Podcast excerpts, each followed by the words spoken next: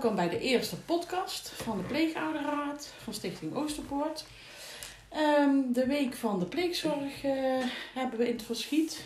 En ehm, wij hebben als Pleegouderraad het initiatief genomen om eh, bepaalde onderwerpen te bespreken vanuit het oogpunt als pleegouders. Ehm, de eerste podcast vandaag. En bij ons zitten de voorzitter en de secretaris van onze pleegouderraad. En uh, welkom, Monique. Dankjewel. En welkom, Annemarie. Dankjewel. Leuk dat jullie uh, dit willen doen. Uh, we hebben een aantal vragen voor jullie ter voorbereiding toegestuurd.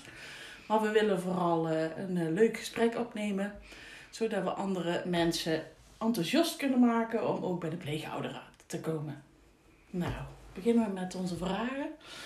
Ik zit hier samen met, uh, ook samen met Astrid. Astrid is ook een van uh, de leden van de pleegouderraad. En samen zullen wij het uh, interview doen. Ja, um, ik zou zeggen, Monique, stel je even voor. Um, hoe is jouw gezinssituatie nu? En um, hoe lang ben je al pleegouder? En met wat voor pleegzorgvorm is dat? Ik ben inmiddels uh, 12 jaar pleegouder. Uh, onze oudste zoon is geboren en uh, ik bleef door mijn werk steeds maar in aanraking komen met pleegzorg. En toen dachten wij, nou misschien moeten we daar toch maar eens wat mee doen. Zodoende zijn we dan ons gaan informeren, hebben we de, de, de informatieavond gevolgd. En toen gedacht, nou, wat hebben we te verliezen? We gaan de cursus doen. En toen dachten we weer, nou, kom maar op dan. En zo, zo zijn we er een beetje ingerold. Uh, we hebben inmiddels drie pleegkinderen. Uh, de oudste is 12 en eentje van 9 en nog eentje van 6. En ze zijn allemaal uh, heel jong bij ons gekomen en ze blijven ook in elk geval tot 18. En wie weet hoe lang nog daarna, gaan we zien. Ja. En hoe is dat bij jou, Annemarie? Ja, ik heb eigenlijk al van jongs af aan een soort fascinatie voor pleegzorg. Dat ik er in geïnteresseerd was. En dat komt eigenlijk door de basisschool heb je altijd een goed doel. En uh, ons goede doel van de basisschool, waar we dus af en toe geld voor in gingen zamelen, was SOS Kinderdorpen. En ik vond het altijd een heel mooi doel. Want ik dacht altijd eigenlijk het mooiste wat je voor iemand kan doen, is iemand een, een goede thuissituatie geven. Dus dat je een, een warm en liefdevol gezin, um, ook een goede basis om, om, om de wereld te gaan verkennen als je maar thuis komt en alles is weer goed. Dus ik vond het altijd een heel mooi concept en dat is eigenlijk zo gebleven. En uh, later ben ik als kinderverpleegkundige gaan werken en toen kwam ik weer met pleegzorg in aanraking. Toen uh, werden er wel eens kinderen opgehaald, ook, babytjes die dan uh, niet door de eigen ouders werden opgehaald, maar door pleegouders. En ehm, ja, toen ben ik er nog eens over na gaan denken. Dan heb ik ook met mijn man besproken. En nou, gelukkig was hij ook wel geïnteresseerd. We hebben er eigenlijk bewust voor gekozen om, om eerst met pleegzorg bezig te gaan en dan eventueel eigen kinderen, als dat ons gegeven mocht zijn. Um, omdat we ook pleegkind echt een, een, goed plekje wilden geven. Uh, dat hij echt bij het gezin zou horen. Uh, dus wij zijn in 2009 zijn wij pleegouder geworden van een pleegdochter. En daarna hebben we nog drie uh, biologische zoontjes gekregen. En, een lekker druk gezin. Een druk gezin. Een druk ja. gezin, ja. En jullie hebben dus eigenlijk allebei als eerste de informatieavonden gehad. En zijn daarna de staptrainingen, was het toen nog, hè? Nu is dat ja. al een beetje een andere vorm geworden, maar jullie hebben allebei die staptrainingen gedaan. Hoe lang hebben jullie gewacht tot er een, of hoe lang duurde het voordat het eerste pleegkind bij jullie kwam? Weten jullie dat nog? Bij ja. ons heel kort, want um, wij hadden eigenlijk gezegd, uh, um, ja, we willen graag uh, een pleegkind beginnen, maar we zouden nog gaan trouwen. Dus wij wilden eerst gaan trouwen en dan na de bruiloft verder kijken. Want we dachten, ja, anders zitten we straks met een feest met een kind dat er net is. En, uh, maar eigenlijk nog voor onze bruiloft kwamen ze al uh, met een voorstel. Uiteindelijk zijn die kinderen niet bij ons gekomen, maar um, nou ja, binnen een maand daarna was uh, onze pleegdochter bij ons. Dus ja, eigenlijk maar heel kort heeft het geduurd. Ja, ja bij ons ook eigenlijk. bij ons heeft het drie maanden geduurd. Maar, maar dat kwam omdat wij een reis gepland hadden staan. Uh, naar China. En uh, die wilden we wel graag door laten gaan. Dus toen hadden, hebben wij gezegd, we wilden dat eerst en dan daarna. En nou, dat, daarna was het ook meteen, uh, meteen klaar. Ja, dus, dus dat ging ook heel snel. Hadden jullie door de staptraining eigenlijk een, een rooskleurig beeld van pleegzorg? Want in de staptraining werd je natuurlijk wel getraind eh, in eh, verschillende situaties. Maar hadden jullie daar een, een, een ander beeld bij dan dat de werkelijkheid eh, geworden is? Monique, jij? D- dit is een beetje een dubbel eh, ding. De, de, het- bij de eerste bijeenkomst van de staptraining weet ik nog dat ze vroegen van... eh, stel dat er bij jou, met jou en je man iets gebeurt en die kinderen staan ineens alleen, wat dan? Ja, die kwam wel binnen, moet ik zeggen. Dus, dus de heftigheid was wel meteen duidelijk. Aan de andere kant zijn er natuurlijk een heleboel praktische dingen. En je kunt in een cursus natuurlijk nooit alles ondervangen. Een heleboel praktische dingen die, die, waar je tegenaan loopt, waar je dan toch nog weer denkt van jeetje, en nu? ja, maar de grote lijnen denk ik wel. Ja. Mhm.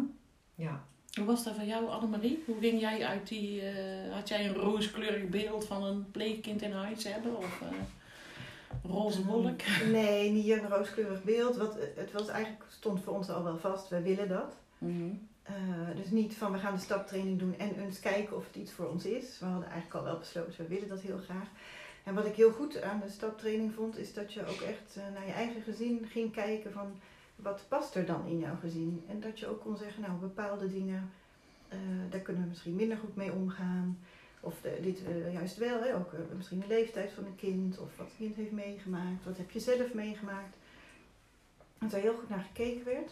En daar hadden wij ook wel vertrouwen dat, daar, ja, dat er ook aan ons gedacht werd. Van Mhm. hoe wij als pleegouders in Mhm. zouden staan. Dus niet alleen een kind heeft opvang nodig, maar ook nou, ja, kunnen jullie dat, eh, de juiste begeleiding bieden. Ja. Dus dat vond ik wel fijn aan de stap. Dus, eh, En jullie zijn dus allebei eigenlijk al een aantal jaar pleegouder. Hè? En je hebt het begin, begin je met een bepaald idee, met een bepaald doel aan de pleegzorg. Als je dat doel nu bekijkt, eh, een aantal jaren verder, heb je dan dingen dat je zegt van nou dat is me wel heel erg tegengevallen. Of eh, daar had ik eh, de steun bij Van Oosterpoort meer bij nodig gehad. Of, eh, Ik, ehm, wij, eh, ja, in het begin, dan krijg je natuurlijk de contacten ook met, met de ouders hè, van, van de kinderen. En ehm, eh, daar, daar, daar, daar vond ik het grootste, of het, punt waar ik het meest aan moest wennen. Of waar wij het meeste aan moesten wennen, dat die natuurlijk ook nog een rol in dat hele verhaal hadden. En dat weet je wel. Maar hoe dat er dan in de praktijk uitziet, is natuurlijk een heel ander verhaal. Eh, dat heeft wel even tijd gekost om om daar een, een goede balans in te vinden. Dit, dit, er zitten natuurlijk ook veel emotionele zaken tussen. Hè, wat bij ouders speelt, maar wat ook bij ons als pleegouders speelt. En dat heeft wel tijd nodig gehad om, om daar een weg in te vinden. En dat is niet een kwestie van een paar weken. Dat wat, heeft echt wel geruime tijd geduurd voordat de situatie rustig was. En nu moet ik eerlijk zeggen dat het nu eh, in beide settingen heel goed gaat. Maar ehm, ik weet niet of we daar nou zeker eh, meer steun bij nodig hadden gehad. Maar dat dat.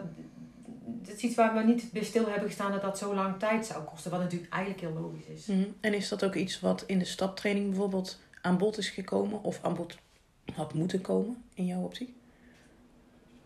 Ehm, dat weet ik eigenlijk niet goed. Het, het, eh, ik weet eigenlijk niet meer of dat aan bod is gekomen dat wij het gewoon gemist hebben. Dat kan. Of dat, dat je het gewoon niet opgepakt hebt. Ehm, het is wel iets wat ik denk, denk ik wel eh, belangrijk is. Want de ouders van de kinderen zijn natuurlijk gewoon heel erg belangrijk. Daar moet je het ook mee doen. En eh, dat, dat, dat daar processen plaatsvinden die tijd nodig hebben. Ja, dat is natuurlijk ook maar heel logisch. Maar ik, ik weet niet, eerlijk gezegd niet meer of dat, of dat en hoe uitgebreid dat dan aan bod is gekomen. Mhm. Want ik kan me ook voorstellen dat er in zo'n cursus dingen langskomen die je gewoon nog niet pakken omdat het te ver van je bed is. Mhm. Dat je die gewoon mist. Logisch ook. Ja, En toen kwam op een gegeven moment eh, de pleegouderraad eh, voor jullie voorbij. Hoe, hoe is dat bij jou gelopen, Annemarie? Hoe ben je in aanraking gekomen met de pleegouderraad? Ehm, nou, ik heb, uiteindelijk heb ik een, eh, eh, volgens mij kregen we een mailtje. Kregen alle pleegouders een mailtje van of je interesse had in de pleegouderraad. En ehm, ik had er eigenlijk al langer wel over nagedacht.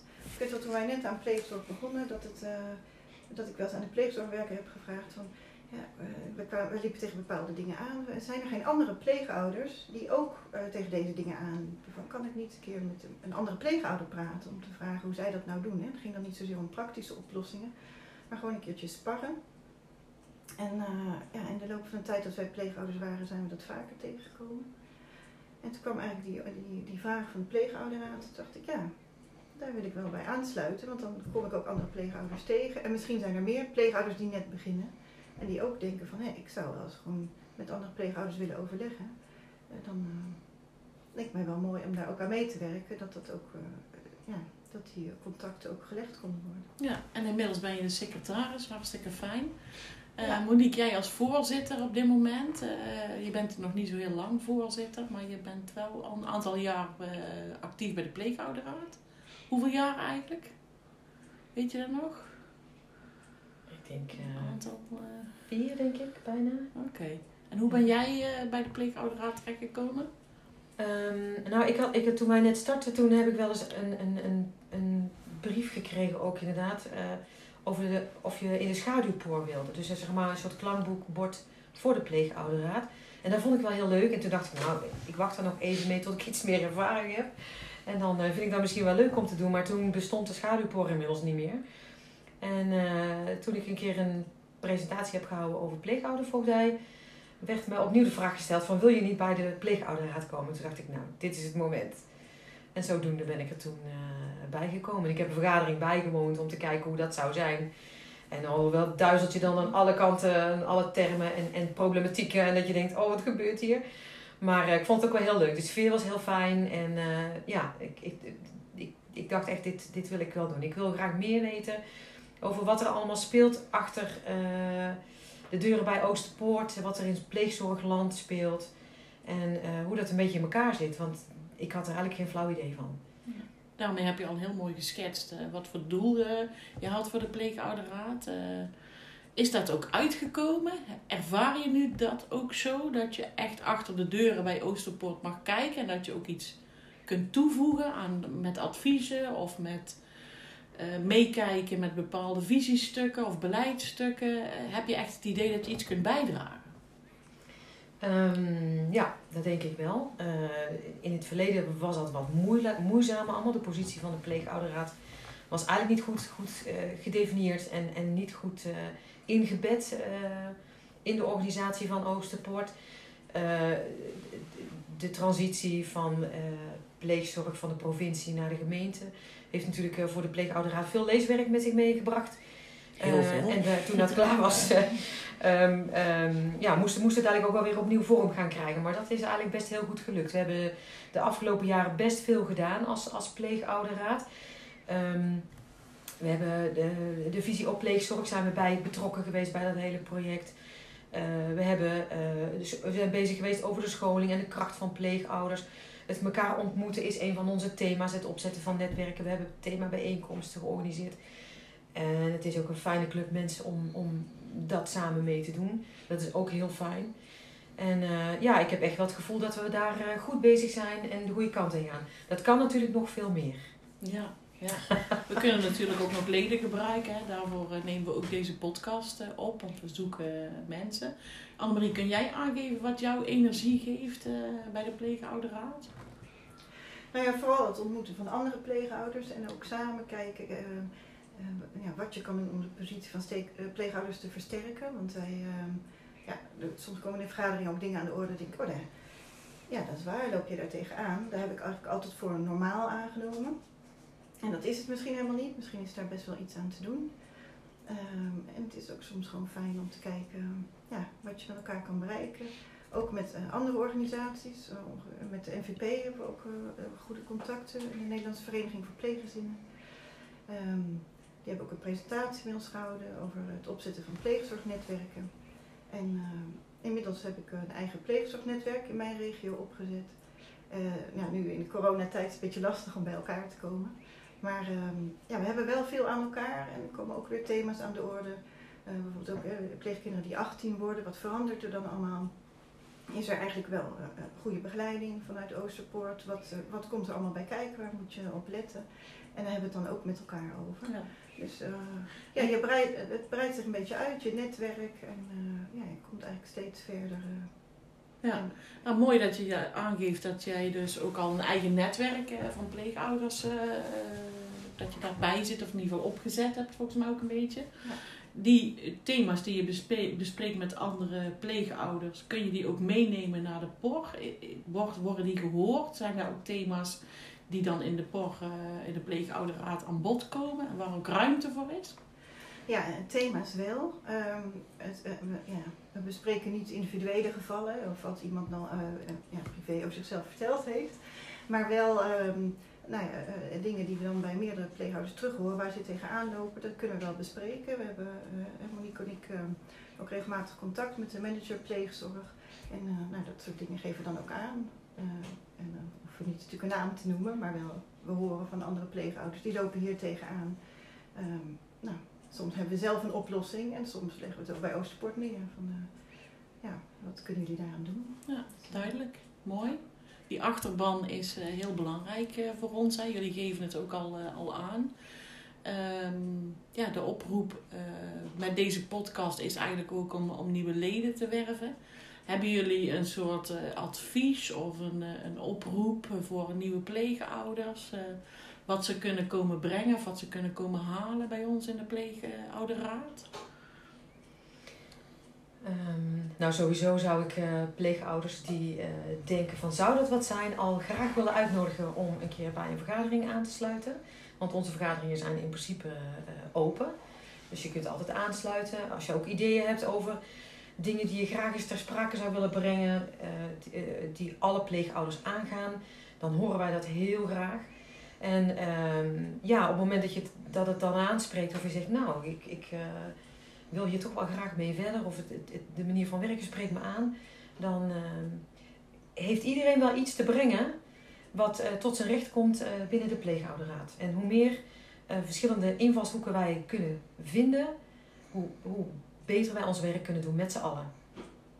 Mooi. Ja, dat vind ik ook heel belangrijk. Dat je niet hoeft te denken, oh ik moet eh, speciaal wel iets kunnen of eh, juridisch onderlegd zijn of, of goed stukken kunnen schrijven of uh, beleidstukken lezen. Of, dat is eigenlijk helemaal niet belangrijk. Het gaat er juist om, om, de gewone pleegouder die, die dingen meemaakt in zijn eigen situatie en dat met anderen wil delen. En samen kijken hoe we onze, onze positie kunnen versterken. En dat is ook de kracht van de pleegouderraad zoals die nu is. Iedereen brengt iets anders in en iedereen heeft zijn talent op zijn eigen, eh, zijn ja. eigen gebied. En iedereen vindt iets anders interessant om zich in te verdiepen. En we hebben nog zoveel onderwerpen waar we iets mee zouden willen. Dus eh, Ja, Ja. absoluut. Nou, mooi. Volgens mij eh, kunnen we deze podcast hiermee wel afsluiten. En eh, willen we vooral vragen aan mensen die belangstelling hebben om ons te mailen. Op ons mailadres pleegouderaad.oosterpoort.org. En dan bedank ik Monique en eh, Annemarie voor het gesprek. Dankjewel. En jullie dank voor deze gelegenheid. Ja. graag gedaan.